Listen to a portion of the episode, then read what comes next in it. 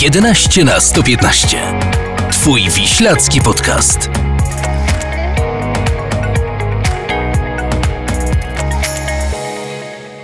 Dzień dobry, podcast 11 na 115, podcast, gdzie wspominamy piłkarzy Wisły, Kraków, ich osiągnięcia, oczywiście nie tylko tą złotą erę, czyli tą, którą pewnie ostatni kibice Wisły Kraków pamiętają najlepiej, ale będziemy również przynosić się w czasy nawet y, przedwojenne. Ja nazywam się Marcin Ryszka, za mną drugi prowadzący Michał Hardek, Wisła Kraków. Cześć Michał, dzień dobry. Cześć, cześć Marcin. Dariusz Dzisiaj zadanie, zanim Tak. przedstawisz gości, dzisiaj zadanie mamy wyjątkowo trudne, musisz się chyba zgodzić z tym.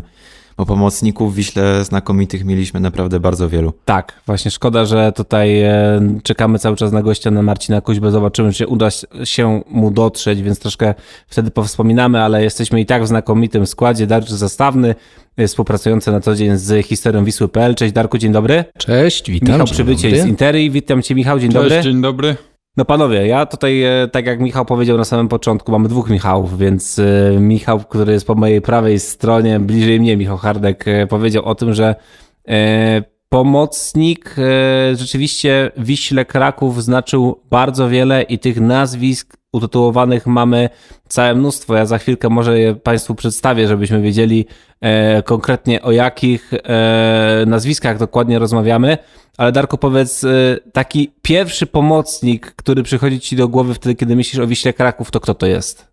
No ja jako współpracujący z historią Wisły, no to zdecydowanie stawiam na e, braci Kotlarczyków. Nie, nie wymieniałbym tutaj konkretnie jednego z nich, natomiast Jan Józef Kotlarczykowie, no opoka wiślackiej pomocy e, w czasach przedwojennych, także E, Mnie przychodzą ci dwaj piłkarze na myśl, jeśli mówimy o pomocy, tylko też musimy rozróżnić. Pomoc przedwojenna to była troszeczkę inna formacja niż ta pomoc powojenna, a nie mówiąc już o czasach całkowicie bieżących, prawda? Tak jest, ta rewolucja rzeczywiście na tej pozycji była bardzo duża. Tak naprawdę e, ten prawy skrzydłowy to już był taki prawy napastnik, nie? Który, który gdzieś tam atakował i, i, i, i e, troszkę przygotowując się do tej audycji, e, rzeczywiście to było takie też fascynujące, że można było zapoznać się troszkę z taką, e, z, taką terminologią inną, z taką inną taktyką. Teraz pytanie do Michała z Interi. Powiedz, ty to raczej pamiętasz już takie chyba nowsze jednak czasy Wisły No Kraków. raczej tak, tak. Ja się wychowałem na tej już można powiedzieć złotej erze Wisły e, i takim pierwszym pomocnikiem, który, który przychodzi do głowy to jest oczywiście Kamil Kosowski, tak? No filar e, tamtej drużyny, on był wszędzie, biegał, e, biegał od jednego pola karnego do drugiego. E, No i można powiedzieć, że no, no świetnie obsługiwał napastników, tak? Właśnie Marcina Kuźbę i, i Żurawskiego z przodu. Ja też się wychowałem na złotej erze, natomiast ja powiem wam szczerze, że mam problem, żeby wskazać takie jedno nazwisko właśnie, które mi gdzieś utkwiło w pamięci, bo mam różne takie flashbacki, takie myśli, mecze, które mi gdzieś tam zostały i no, nie wymieniłbym chyba jednego e, nazwiska, bo też pytanie, co e, więcej waży, czy więcej ważą na przykład sukcesy, czy lojalność też e, i jakby gra w klubie przez dłuższy czas, e, na, też na wysokim poziomie, jakby nie było. Co wy też jakby bardziej bierzecie pod uwagę Znaczy- przy waszych rozważaniach i e, co wyżej cenicie? Znaczy, no jeśli chodzi o mnie, no to z racji gdzieś tam tematu tego podcastu e, bardziej biorę pod uwagę tą karierę w samej Wiśle, tak? Bo można by było wybrać spokojnie e, na przykład Kubę Błaszczykowskiego, który karierę zrobił e, zawrotną, ale w tej Wiśle grał dosyć krótko przed tym jeszcze transferem do Borussii. E, a jednak e, Kosowski, no to, no to pierwsza myśl te, te występy właśnie w pucharach, tak? Schalke, Lazio, Parma. No chyba Marcinowi o to chodziło. Jakie jest pierwsze skojarzenie? Rzu- Rzucę Tak. hasło pomoc Wisła. E, Co ci przychodzi na myśl? Nie, no tutaj oczywiście, tak jak wspomnieliście, wybranie, e, bo rozumiem, że wybieramy systemem 4-4-2, no wybranie czterech pomocników z tej ogromnej rzeszy wybitnych zawodników w tej linii właśnie. E, Umówmy się, to tak troszeczkę, nie troszeczkę, ale całkowicie właściwie zabawowo trzeba potraktować, prawda? Bo porównywanie choćby braci Kotlarczyków, o których wspomniałem, z Kamilem Kosowskim, czy nie wiem, ze Zdzisławem Kapką na przykład, to już jest bardzo trudne. A, a żeby dokonać tego wyboru, no to już jest zadanie właściwie no, niewykonalne, można powiedzieć, żeby ich tak usytuować jakoś, który był lepszy od, od swojego poprzednika czy też następcy. Tak więc... a, a tobie podoba się, Darku, w ogóle ten pomysł właśnie z podziałem na tą jedenastkę retro i jedenastkę złotej ery, czy ty byś wszystkich wrzucił do jednego nie, wora? Nie, absolutnie do jednego to nie. Ja to bym poszedł jeszcze dalej, ja to bym w ogóle podzielił jeszcze na mniejsze odcinki troszeczkę. O, to ciekawe. To e, czasy przedwojenne, powojenne. No, no, a ja bym jeszcze się cofnął nawet do czasów galicyjskich, bo z tego okresu kompletnie nikogo nigdy e, praktycznie rzecz biorąc w takiej jedenastce nie będziemy mieć. To, to nie ma takiej możliwości, choćby nie wiem jak historię propagować, historię 115-letnią e, Wisły Kraków, no to nie ma możliwości, żeby się tam na przykład Wilhelm Cepurski pojawił w takiej, w takiej jedenastce, prawda? Tak więc chyba bym to podzielił jeszcze na, e, tak jak wspomniałem, bardziej bym to jeszcze poszatkował, mówiąc krótko, czyli ten okres galicyjski, później powiedzmy do, do II wojny światowej, no i później jeszcze pewnie ze dwa, trzy okresy. Przejdziemy sobie za chwilkę do tych czasów e, teraźniejszych, pewnie powspominamy sobie te występy, nie wiem, pewnie z Parmą, pewnie z Lacja, pewnie z Szalkę, tam gdzie jednak ci pomocnicy e, odgrywali tak naprawdę kluczową rolę, ale korzystając z tego, że mamy tutaj dzisiaj Darka ze sobą, to znakomita do, okazja do tego, żeby gdzieś tym młodszym kibicom Wisły Kraków przybliżyć troszkę historię e, tych czasów, których jednak my nie pamiętamy. Z boiska są oczywiście książki, możemy sobie troszkę powspominać. Odsyłam wszystkich chętnych na historię e, Wisły.pl. Tam rzeczywiście duża ta baza ciekawych informacji. I Darku, patrząc na pomocników, którzy zostali wytypowani z tych e, czasów, ładnie nazywajmy te czasy retro, jest Adam Nawałka, czyli osoba, która do dzisiaj w tej naszej polskiej piłce funkcjonuje. Wszyscy pamiętamy te tak naprawdę ostatnie chwile, kiedy ta kadra chyba przynosiła radość e, polskim kibicom właśnie pod e, wodzami e, Adama Nawałki. Jan Jałocha, Jan Kotlarczyk, Józef Adamek, Józef Kotlarczyk, czyli bracia. Za chwilę poproszę Cię, żebyś opowiedział właśnie o tych braciach, bo to bardzo ciekawa historia. Kazimierz Gazda, Kazimierz Moskal, czyli osoba, która do dzisiaj też w Wiśle Kraków jest wspominana przecież bardzo ciepło pan Lilipka też oczywiście, czyli też e, mistrzowie Polski z tych lat 70. E, e, powiedz, sam już kilka razy wspomniałeś o tych braciach Kotlarczykach. Czy mógłbyś opowiedzieć ich historię? No bo tak, historia Wisły, choćby ta teraźniejsza, pamięta oczywiście braci, tak, pierwszych, którzy przychodzą mi do głowy, to oczywiście nasi bliźniacy bracia Brożek, E, którzy też w Wiśle występowali, ale e, to byli chyba pierwsi bracia, którzy rzeczywiście w takim dużym stopniu zasłużyli się Wiśle Kraków. Tak, no bracia Jan i Józef Kotlarczykowie zaczynali swoją grę w Nadwiślanie, no tam w okolicach właśnie e, Nadwiślanu mieszkali i tam pierwsze ich kontakty z piłką nożną miały miejsce. E, natomiast jest historia, nie wiem na ile prawdziwa, na ile legendarna, ale no ten sport w owym czasie był taki troszeczkę, nazwijmy go, romantyczny. I w, e, gdzieś bodaj w 24 roku, może na początku roku 25, e, Jan Kotlarczyk był na meczu Wisły Kraków i mm, kierownikowi rezerw drużyny Wisły skończyły się na tym meczu papierosy. Znaczy tutaj nie, nie, nie chcę, żeby to zostało w jakikolwiek sposób zrozumiane, że namawiamy sportowców do palenia papierosów, czy też stosowania innych używek, ale temu kierownikowi te papierosy się skończyły i Jan poczęstował go tym papierosem. No i tak od słowa do słowa E, doszło do tego, że zainteresował się postacią Jana Kotlarczyka, tenże kierownik rezerw Wisły i w 25 roku Jan Kotlarczyk już do Wisły trafił. E, bardzo szybko się e, zadomowił w pierwszym składzie i w roku 1927 polecił swojego brata Józefa, który też gdzieś tam w Nadwiślanie sobie wtedy piłkę kopał. No i z Józefem jest historia E, o tyle ciekawe, że on zagrał w jednym meczu rezerw, strzelił tam dwie albo trzy bramki i od razu został przeniesiony do pierwszej drużyny. I w pierwszym meczu to było e, spotkanie z Warszawianką. Zaprezentował się bardzo dobrze, ale został w pewnym momencie, no powiedziałbym, wyprostowany przez Henryka Reymana, bo dostał od niego kapitalną piłkę. E, zamiast strzelać, wdał się jeszcze w dribbling z bramkarzem. Przeszedł tego bramkarza, no ale bramkarz go sfaulował, był rzut karny. Jan Rejman karnego nie wykorzystał. E, no i po tym niewykorzystanym karnym Henry Greyman podszedł do Józefa Kotlarczyka i powiedział mu, że no, słuchaj no kolego, powinieneś strzelać, a nie wózkować, bo wtedy na kiwanie, na takie dryblowanie mówiło się wózkowanie. E, no i tak zaczęła się ta mm, fantastyczna kariera e, już obydwu braci Kotlarczyków w Wiśle Kraków. Oni też byli podporą polskiej reprezentacji przez wiele, wiele lat. Jan Kotlarczyk na Igrzyska Olimpijskie do Berlina w 1936 roku, już się przesunąłem troszeczkę o całą dekadę do przodu. Jan Kotlarczyk już na Igrzyska Olimpijskie do Berlina nie pojechał, natomiast pojechał tam oczywiście Józef Kotlarczyk, był kapitanem polskiej reprezentacji. E, Polska zajęła wtedy czwarte miejsce e, i o dziwo w meczu o miejsce trzecie z Norwegią E, Józef Kotlarczyk już nie zagrał. Prawdę powiedziawszy, nie wiem jakie były przyczyny.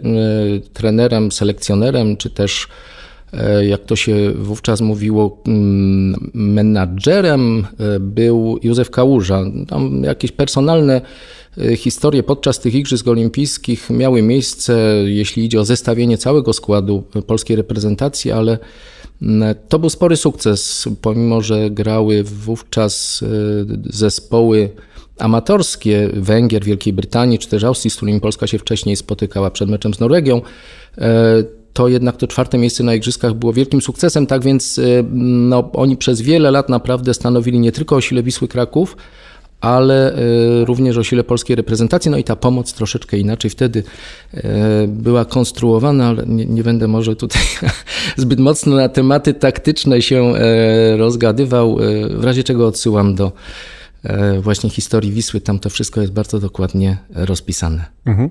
E, tak jak tutaj wspomniałem, dwa takie nazwiska, które gdzieś rzucają się w oczy, w sumie nawet więcej, bo Adam Nawałka, Kazimierz Moskal, Zbigniew Kapka, czyli te osoby, które jako pomocnicy dawali wiele w Wiśle Kraków, ale również zostali zapamiętani później z swojej e, pracy w charakterze czy to trenera, czy działacza sportowego. I chciałem się Was zapytać, czy nie macie takiego wrażenia, że e, pomocnicy, e, którzy kończą karierę, zawsze przeważnie jakoś w tej historii Wisły się e, szczególnie zapamiętują, tak? Jest, nie wiem, jest Radek Sobolewski na przykład z tych e, pomocników z, z tej złotej ery, choćby Tomasz Kulawik na przykład, też, też zostaje zapamiętany jako Wiśle Kraków jakby, jako tener. No i na końcu muszę wymienić tutaj e, Jakuba Błaszczykowskiego, który oczywiście dzięki niemu tak naprawdę pewnie teraz możemy się wspominać, chociaż może nie do końca, bo pewnie Wisła by jednak istniała, ale spotykalibyśmy się w troszkę gorszych nastrojach i pewnie na jakimś niższym e, szczeblu rozgrywkowym. I to też jest pewnie gdzieś tam fenomen, który, nie wiem, na dwustulecie jak ktoś będzie prowadził taki podcast, y, taką audycję, będziemy pewnie Kubę wtedy wspominać, ale czy zgodzicie się ze mną rzeczywiście i skąd waszym zdaniem to się bierze, że ci pomocnicy tak naprawdę zawsze tymi zgłoski, y, złotymi głoskami są w stanie się zapisać w historii Wisły, nie tylko na boisku, ale potem są w stanie to również przełożyć na życie posportowe. I te pytania może teraz skierujemy do, do Michała z Interi w takim razie, żeby no, dać nawet... Darkowi trochę odpocząć. E, nawet y, Henryk Kasperczak był y, pomocnikiem, co prawda w Wiśle nie grał, ale, ale zapisał się jako trener też y, świetnie, e, więc rzeczywiście coś takiego jest w tych, w tych pomocnikach, że oni gdzieś później w tej pracy trenerskiej radzą sobie dobrze, być może bierze się to z tego, że no ta pomoc to jest, czy tak przed wojną łącznik się mówiło, tak? Jak w tej piosence, Właśnie, bramkarz, skrzydłowy i łącznik. Tak, łączy ze sobą te linie e, obrony i, i, ataku, musi gdzieś tam e, pomagać i, i defensorom, i dostarczać piłkę e, do przodu, więc ma bardzo dużo tych zadań taktycznych e, i może z tego, z tego biorą się później e, jakieś sukcesy e, trenerskie dzięki temu lepszemu przygotowaniu taktycznemu. Mhm tutaj pytanie do współprowadzącego Michał, czy coś masz do dodania w tym temacie? Czy zastanawiałem się nad tym, ale myślę, że to y, bardziej się też wiąże chyba z osobowościami po prostu tych osób, bo to były jednak takie mocne charaktery charyzmatyczne, które też zawsze były, y, te, te osoby, które wymieniłeś, były liderami e, często szatni, więc y, i, i poza tym też prywatnie myślę, że to są bardzo inteligentne osoby po prostu, które mają takie szerokie e, spektrum, mm, jeżeli chodzi o mm, myślenia. Dlatego myślę, że to się stąd bardziej bierze. Chyba bym tego nie przywiązywał aż tak do, do pozycji. Może coś jest rzeczywiście w tym, co powiedział e, Michał, e, czyli właśnie też e, ta pozycja, bo no, na, na, operując gdzieś tam w środku boiska pewnie też e, dużo się widzi, dużo można podpowiedzieć kolegom, więc to potem gdzieś tam można przełożyć na, e, na późniejsze czasy na bycie trenerem. Słuchasz podcastu 11 na 115. A ty, Michał, od którego roku pracujesz w Wiśle Kraków? No ja tutaj jestem już 5 lat ponad. 5 lat. A pamiętasz e, pierwszy swój kontakt właśnie z jakąś taką osobą, którą podziwiałeś na początku z boiska jako taki dzieciak chodzący na mecze Wisły, a potem nagle e, pracujesz obok tej osoby. Ktoś ci taki pierwszy przychodzi do głowy? Oj, to ja dużo miałem takich. E, dla mnie to była właśnie przyjemność, że, że mogłem poznać te osoby i nadal, nadal je poznaję w pewnym stopniu. E, no na pewno dla mnie taką wielką frajdą było poznanie Radka Sobolewskiego i Arka Głowackiego. Mm, no bo to były takie postacie, które bardzo dobrze kojarzyłem właśnie e, z telewizji. E, zawsze e, mi się też wydawali bardzo ciekawymi ludźmi. No i to się potwierdziło, bo naprawdę i Radek, i Arek to są no, fantastyczni faceci i, i cieszę się, że, że mogłem ich gdzieś tam bliżej poznać.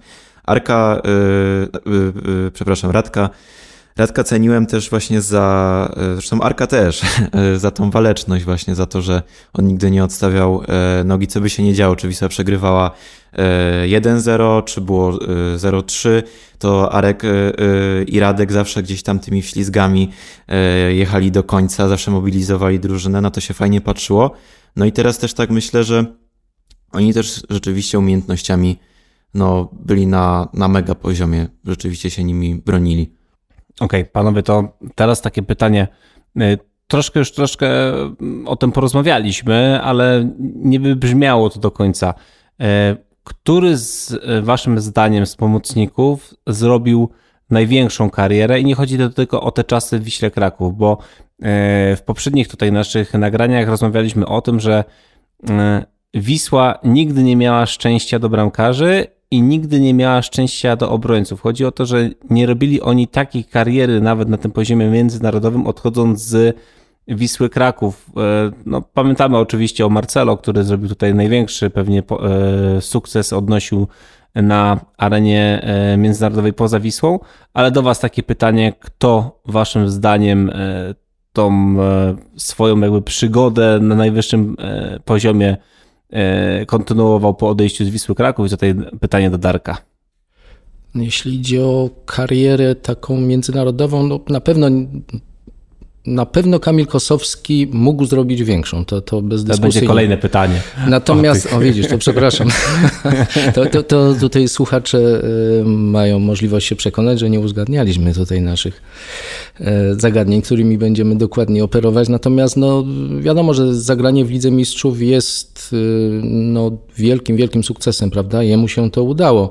E, ostatecznie. E, tak więc wydaje mi się, że chyba jeśli idzie o e, karierę międzynarodową, to mimo wszystko Kamil Kosowski, chociaż no, no wiemy jak ta jego zagraniczna kariera przebiegała. Nie do końca to było wszystko tak, jakby sobie Kamil wymarzył z pewnością, bo, bo że tak w takim systemie czteroletnim powracał do Wisły, prawda? Bo odszedł w 2003, później wrócił w 2007.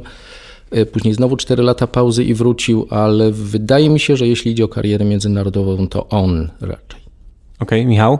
No dla mnie faworyt jest jeden, no Kuba Błaszczykowski, jednak finał Ligi Mistrzów, no to e, dla mnie bije, bije wszystkich e, na głowę.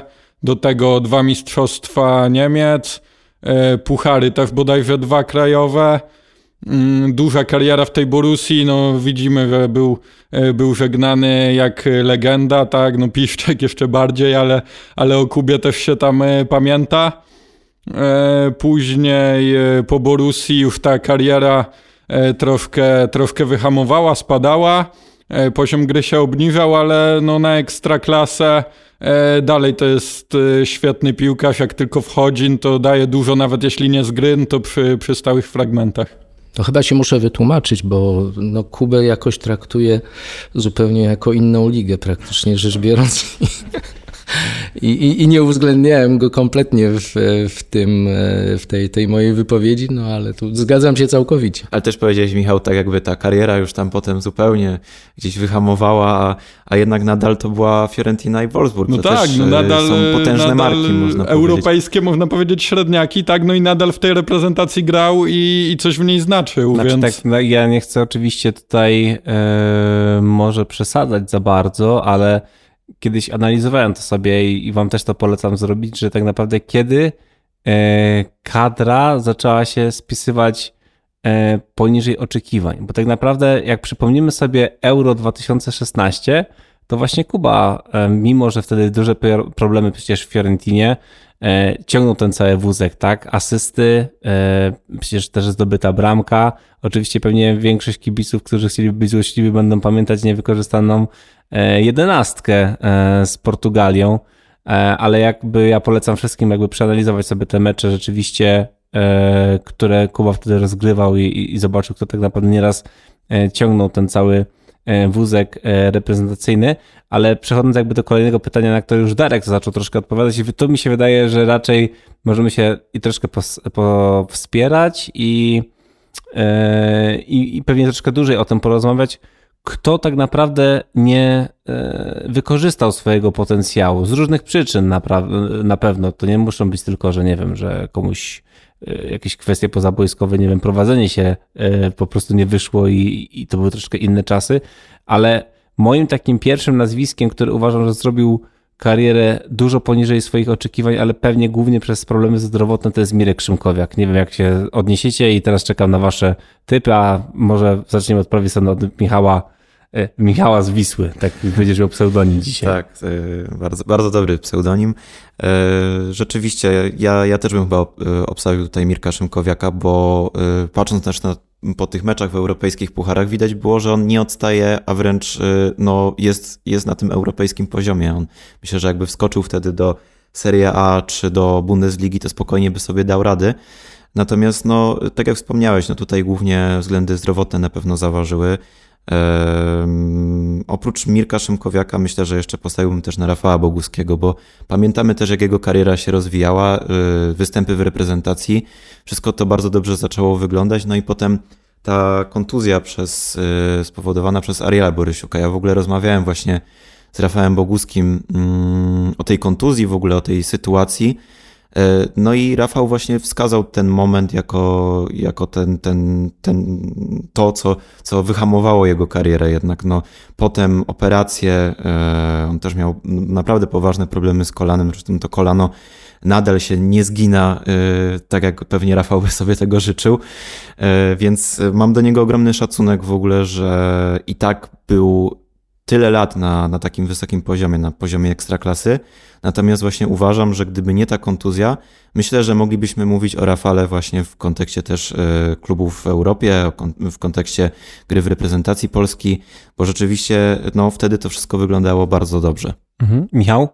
E, no mi też jako pierwszy na myśl właśnie przychodzi Kurczę, e, niepotrzebnie powiedziałem ten typ, bo to tak potem się teraz wszyscy Nie, nie, jeszcze wybiorę drugiego spokojnie, ale chciałem się tutaj wytłumaczyć, że raz to problemy zdrowotne, a dwa, że trochę też przez zasiedzenie mi się wydaje e, w tym Trabzonsporze, bo był tam traktowany jak Bóg, bardzo dobrze się tam czuł, kilka lat tam spędził. Myślę, że gdyby pograł e, rok, e, wystarczyłoby i poszedłby gdzieś wyżej, nawet do Turcji, do, do Galatasaray, później, później czy do Besiktasu, tak, do jakiegoś czołowego innego klubu tureckiego, mógłby gdzieś jeszcze wylecieć później za granicę stamtąd, bo też jeszcze nie był, nie był taki stary.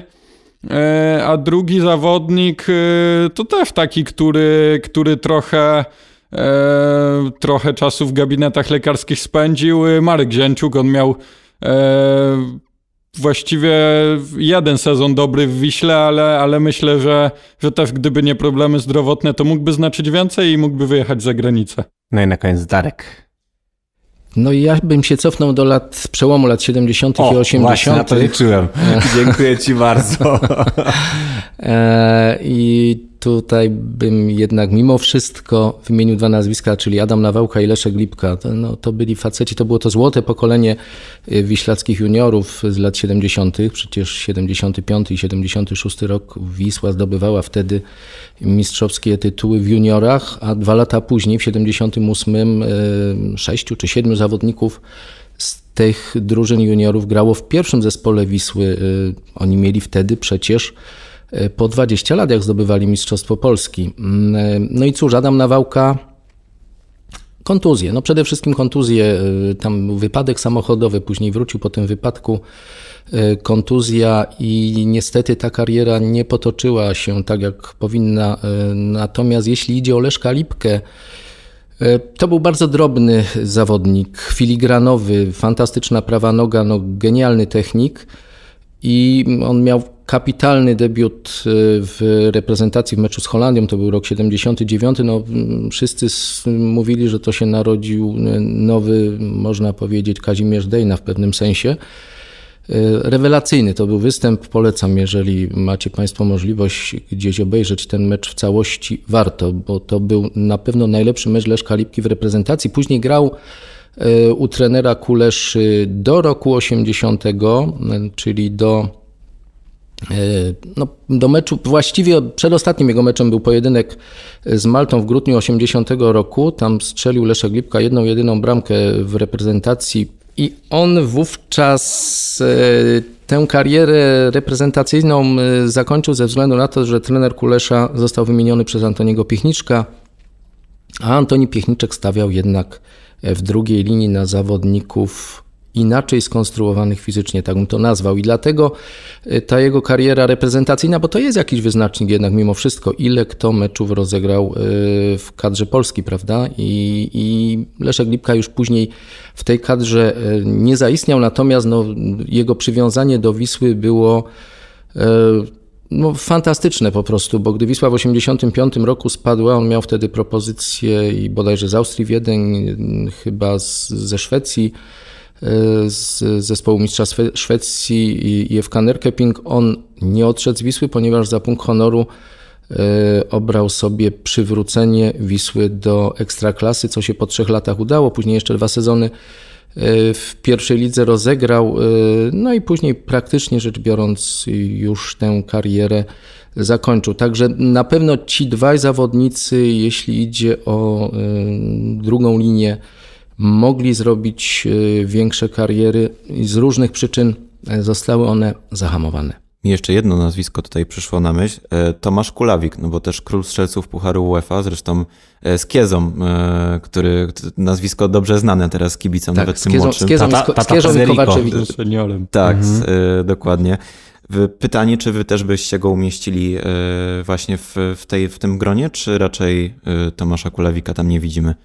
Znaczy ja bym chyba jednak stwierdził, że to chyba nie był aż taki duży potencjał, e, który... Znaczy też e, trzeba dodać, że no Tomasz Kulawik e, był tym królem strzelców, tak, ale rozegrał też chyba więcej spotkań niż, e, niż Kieza, tak, bo, bo grał też w eliminacjach, więc, więc te bramki też rozkładają się na, na większą liczbę meczów. Mhm. Ale ja pamiętam zwłaszcza takie mecze w polskiej lidze wtedy, kiedy Wisła ile chciała i kogo chciała tak naprawdę. E, lała niemiłosiernie i rzeczywiście te bram, bramek e, zdobytych przez Tomasza Kulawika też było sporo i też pamiętamy go troszkę w roli takiego ratownika, który zawsze w takich ciężkich momentach przychodził do, do Wisły jako trener i, i, i ratował tą, tą, e, tą pierwszą drużynę. Ale mm, chciałem jeszcze poruszyć jeden taki wątek. Wiadomo, że wszyscy świętujemy to 115, 115, 100 15-lecie, e, trudne słowo, e, Wisły Kraków, ale gdzieś do tego i beczki miodu chciałbym dołożyć tą taką malutką łyżkę dziegciu. Byłem bardzo ciekawy, kto zostanie wybrany do tej złotej ery wśród pomocników i e, napotkałem nazwisko Kalu Ucze. I chciałem teraz z wami porozmawiać o tym, co zrobił dobrego dla Wisły, bo tych meczów z Lazio e, wszyscy je doskonale pamiętamy i nikt ich na pewno długo Wiśle nie zapomni. Czy waszym zdaniem to był najlepszy obcokrajowiec, który występował w Wiśle Kraków? I dwa, czy jednak jego sposób i rozstanie się z klubem nie powinno spowodować, że gdzieś jednak w tej złotej erze powinien zostać troszkę zepchnięty na, e, na dalszy tor i moglibyśmy na przykład pomyśleć o kimś innym. Darku, co ty myślisz na ten temat? No, bardzo mieszane mam odczucia faktycznie. Podobne mam obiekcje do ciebie, Marcin. I cóż, no, no faktycznie mecze z Lazio, y, bramka z Szalkę, chyba decydująca na, na 2-1. I w ogóle jego gra nie tylko w europejskich pucharach, ale i w lidze, no faktycznie umiejętności miał bardzo, bardzo wysokie, niezwykle błyskotliwy zawodnik. Natomiast to, co później zrobił faktycznie i to odejście, no, no zostawienie, mówiąc krótko, drużyny przed decydującymi meczami, meczami o awans do Ligi Mistrzów, e, no niezbyt ładnie to wyszło, mówiąc krótko. Szkoda, że miałbym... jakoś by nie ma, bo właśnie byśmy go wtedy wypytali, jak to było w tej szatni wszystko przyjmowane. Tak, bo my też tak myślę, że znamy tylko taki wycinek tak naprawdę też e, tego, co się działo w, w gabinetach wtedy.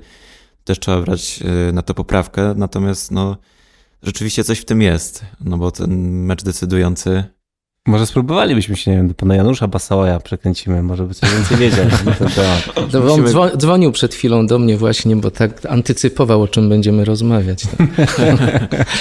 nie, okay. znaczy ja zdecydowanie stawiam na Mauro Cantoro i, i to, to dla mnie nie podlega najmniejszej dyskusji, jeśli idzie o, o zawodników zagranicznych drugiej linii. To cała dekada praktycznie rzecz biorąc.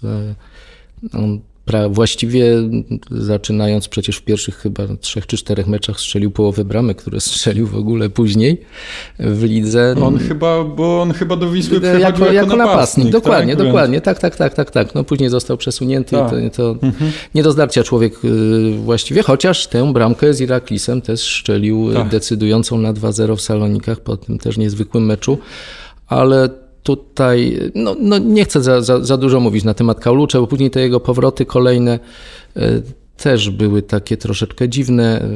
Chyba jeszcze dwie próby podejmował po tym odejściu w 2003 roku. Okej, okay, to, teraz może damy głos e, Michałowi. Powiedz według ciebie w takim razie, jakie odczucie, jeżeli chodzi o Kalucze i od razu według ciebie, czy to był najlepszy obcokrajowiec, który występował w Wiśle Kraków w historii? Jeśli chodzi o najlepszego obcokrajowca, to bym go tutaj e, rozpatrywał jako jednego z dwóch, bo brałbym tu też pod uwagę e, Maora Meliksona, może nie tyle patrząc na trofea, które wygrał z Wisłą, ale pod względem takich indywidualnych e, umiejętności technicznych po prostu, tak? Więc, więc piłkarsko ich dwóch bym wyróżnił, bardzo ciężko mi tutaj e, powiedzieć, który, który był e, lepszy. E, a patrząc na Kaluuchen, to na pewno na boisku przysłużył się bardzo dobrze. Później te, te zawirowania e, transferowe mogą, mogą budzić wątpliwości. Ale, ale ja na to patrzę z, bardziej z perspektywy tego, co zrobił e, na boisku i tym, tym na pewno się zasłużył. Jak gdzieś nie jestem zwolennikiem takiego wykasowywania piłkarzy z, z historii, tak? Tak jak trochę się stało ze Zbigniewem Bońkiem w Juventusie, tak? I, i dlatego, dlatego też właśnie E, dla mnie ta nominacja nie jest, e, nie jest jakaś szokująca czy, czy dziwna. Mhm. Michał z Wisły, chcesz zabrać głos, czy wyciągasz pomidora? Może pomidora nie wyciągnę, ale rzeczywiście e, no tutaj panowie zgadzam się z wami. Też mam mieszane odczucia, tak jak powiedziałem, o Kalu Ucze, natomiast i Kalu Ucze i Maur Melikson to byli zawodnicy, którzy naprawdę dawali ludziom radość na trybunach. Ta gra jeden na jeden, zwinność, szybkość, E, na to się naprawdę bardzo przyjemnie patrzyło. No a Mauro Cantoro, El Toro. E, Ta przyśpiewka tak... Mauro, Mauro Cantoro to była jedna z moich ulubionych przyśpiewek w swoim czasie na Wiśle Kraków. Tak, no to też jest fantastyczna postać, więc e, tutaj jeżeli chodzi o tych zawodników z zagranicy, trudno tak naprawdę wskazać chyba takiego zdecydowanego lidera. Słuchasz podcastu 11 na 115. Okej. Okay. Teraz e, przejdziemy sobie do kolejnej jakby takiej kategorii przeze mnie przygotowanej. E, pamiętny mecz pomocnika, który tutaj jest wytypowany, czy to, e, czy to retro, czy to złota jedenastka.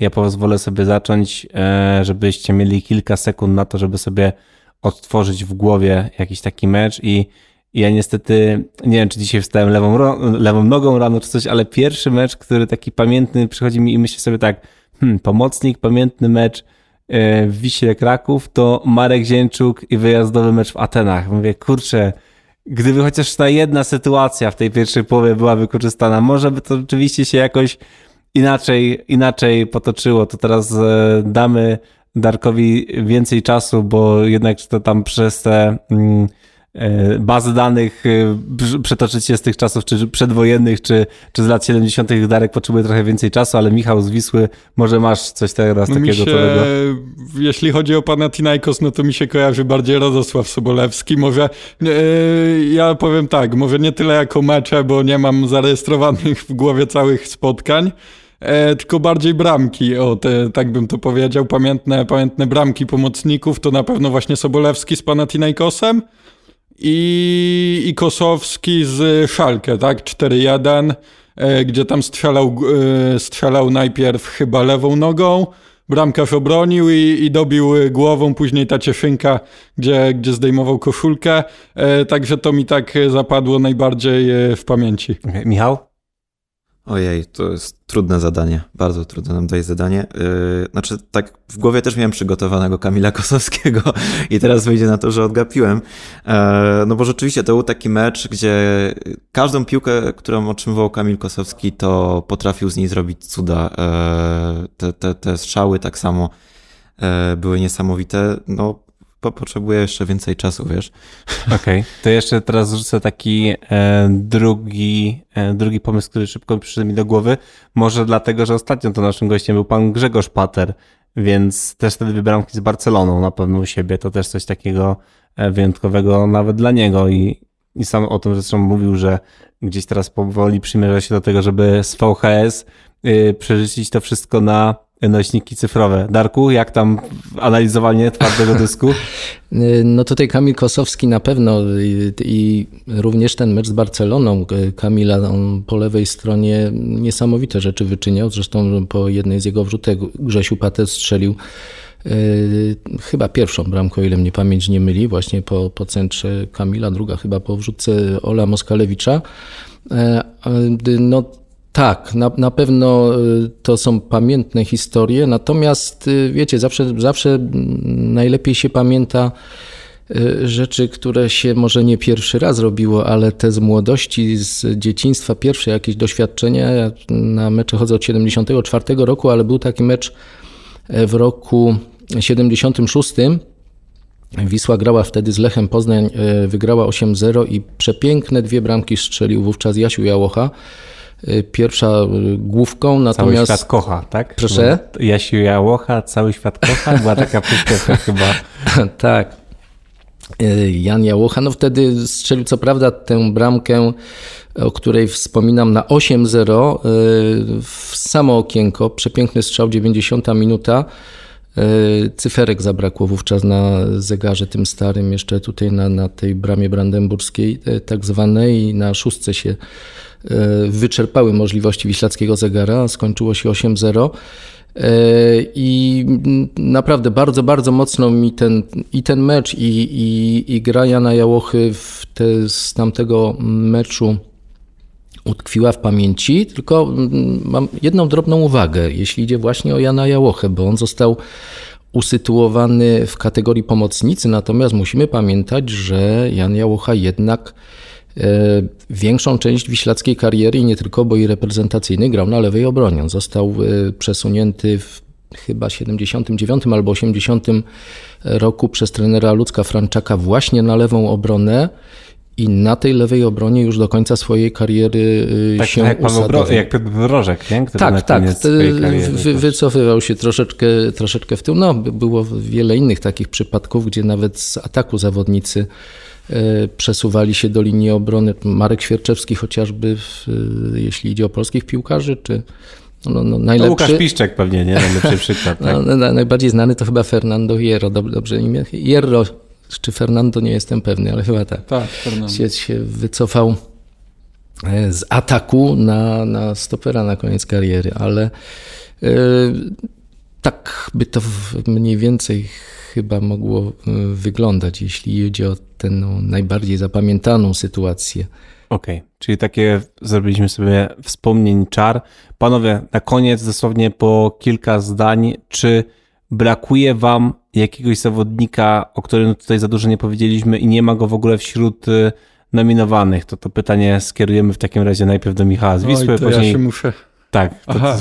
Y, najpierw do Michała z Wisły, potem do Michała z Interu i później Darek. Dobrze, ja bo teraz... ja się muszę ściągą posłużyć. Okej. Nie pamiętam wszystkich nominowanych. Okej, okej, to sobie możesz jeszcze masz y, parę sekund do ciebie, e, żeby sobie to e, sprawdzić. I ja muszę powiedzieć jeszcze, zanim tutaj dam Michałowi z Wisły głos, że jest kilku takich zawodników, którzy e, w Wiśle też na pewno robili dużą karier, karierę, spędzili tu też kilka e, lat e, i, i- też troszkę tych e, trofeów do gabloty ze sobą pozabierali. Na przykład, nie wiem, Tomasz Jirsak, ale z drugiej strony kogo wyrzucić, prawda, z tej e, złotej jedenastki za niego, żeby, żeby wskoczył, nie wiem, Michał, ktoś tobie przychodzi do głowy? Nie, no właśnie tak jak powiedziałeś, to by- było na pewno grono piłkarzy, którzy no też zdobyli trofea z Wisłą, grali w europejskich pucharach. E, ogólnie zapisali się pozytywnie na kartach historii Wisły. Natomiast e, no, ta, to, to grono nominowanych jest tak e,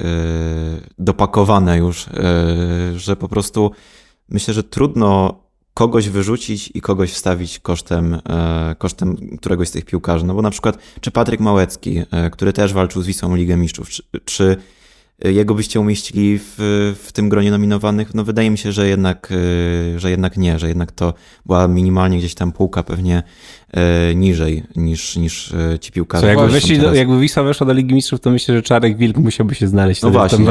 Czarek, Czarek Wilk, czy, czy właśnie Tomasz Irsak, czy też Andrasz Kirm.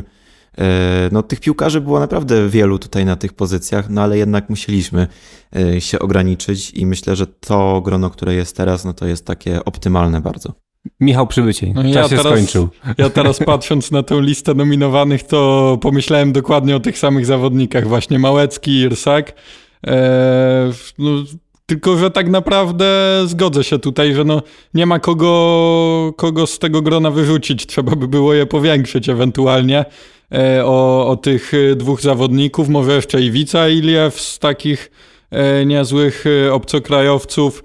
E, no i to właściwie tyle. No. Brazylia teraz, teraz mi przyszedł do głowy, ale to też takie czasy raczej e, głównie Polska Liga chyba Znaczy jednak, Jean? Paulista, Jean e, Paulista, też bardzo ciekawa tak. postać. To ja już nic nie powiem, bo wymieniliście w zasadzie wszystkie nazwiska, które mi przyszły do głowy, ale na, raczej na pierwszym miejscu jednak mimo wszystko Tomasz Irsak. No, to, to był faktycznie facet, który potrafił bardzo, bardzo dużo. No, no i chyba on by mi przyszedł jako pierwszy do głowy, na drugim Ale miejscu do niego chyba też było tak dużo zarzutów, pamiętam, e, gdy on grał w Wiśle.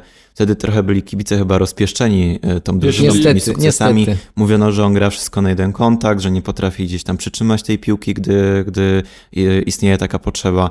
Więc też e, teraz z perspektywy czasu na pewno go oceniamy troszeczkę inaczej, myślę. To ja to mam taką anegdotę jeszcze na koniec. Pozwolę sobie właśnie powiedzieć o Tomasu i, i Rysaku, jak to był taki sparring, pamiętam za czasów Macieja Skorczy z Liverpoolem, pewnie pamiętacie, e, kiedy właśnie Irsak strzelił tam bramkę i Andrzej Niedzielan w szatni zażartował, no super, że zacząłeś się spłacać, bo chyba wtedy zapłacili za Irsaka około 700 tysięcy euro, to wtedy jak na Wisłę Kraków na te czasy to była dość, e, dosyć spora e, spora kwota, na to ten Skorża szybko go s- skon- skonstruował, no teraz Andrzej czas na ciebie, więc, więc takie, takie troszkę szydery tej piłkarskiej w szatni na koniec e, pozwolę sobie wtrącić. Ja, To, jeśli, Mhm. jeśli można jeszcze słówko na temat Toma, Tomasza Irsaka, bo ja byłam, w, mnie się tam gdzieś od czasu do czasu jakieś bramki potrafią zakodować i, i, i pamiętam taką bramkę, zresztą to pewnie jak o, napasni, o napastnikach będziemy mówić, to o tym jeszcze też wspomnę, ale fenomenalna centra do Pawła Broszka w meczu z Legią w 2010 roku.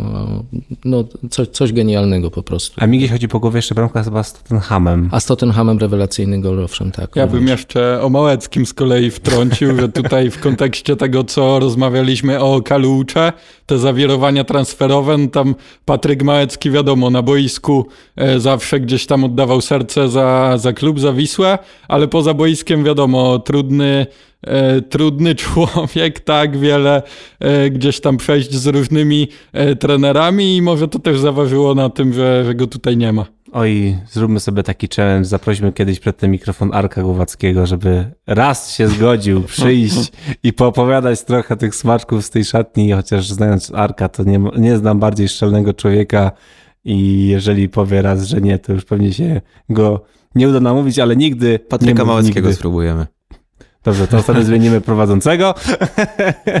Dobrze, słuchajcie, kończymy w takim razie odcinek. To był e, podcast 11 na 115, gdzie wspominaliśmy sobie pomocników Wisły Kraków, a z nami dzisiaj byli Dariusz Zestawny, współpracownik e, Hi- Historia Wisły, dziękuję bardzo. Bardzo dziękuję. E, Michał Przybycień e, Interia, dziękuję. Dziękuję. Michał Hardek z Wisły Kraków, dziękuję. Dziękuję bardzo. Ja nazywam się Marcin Ryszka i do usłyszenia w kolejnym odcinku naszego podcastu.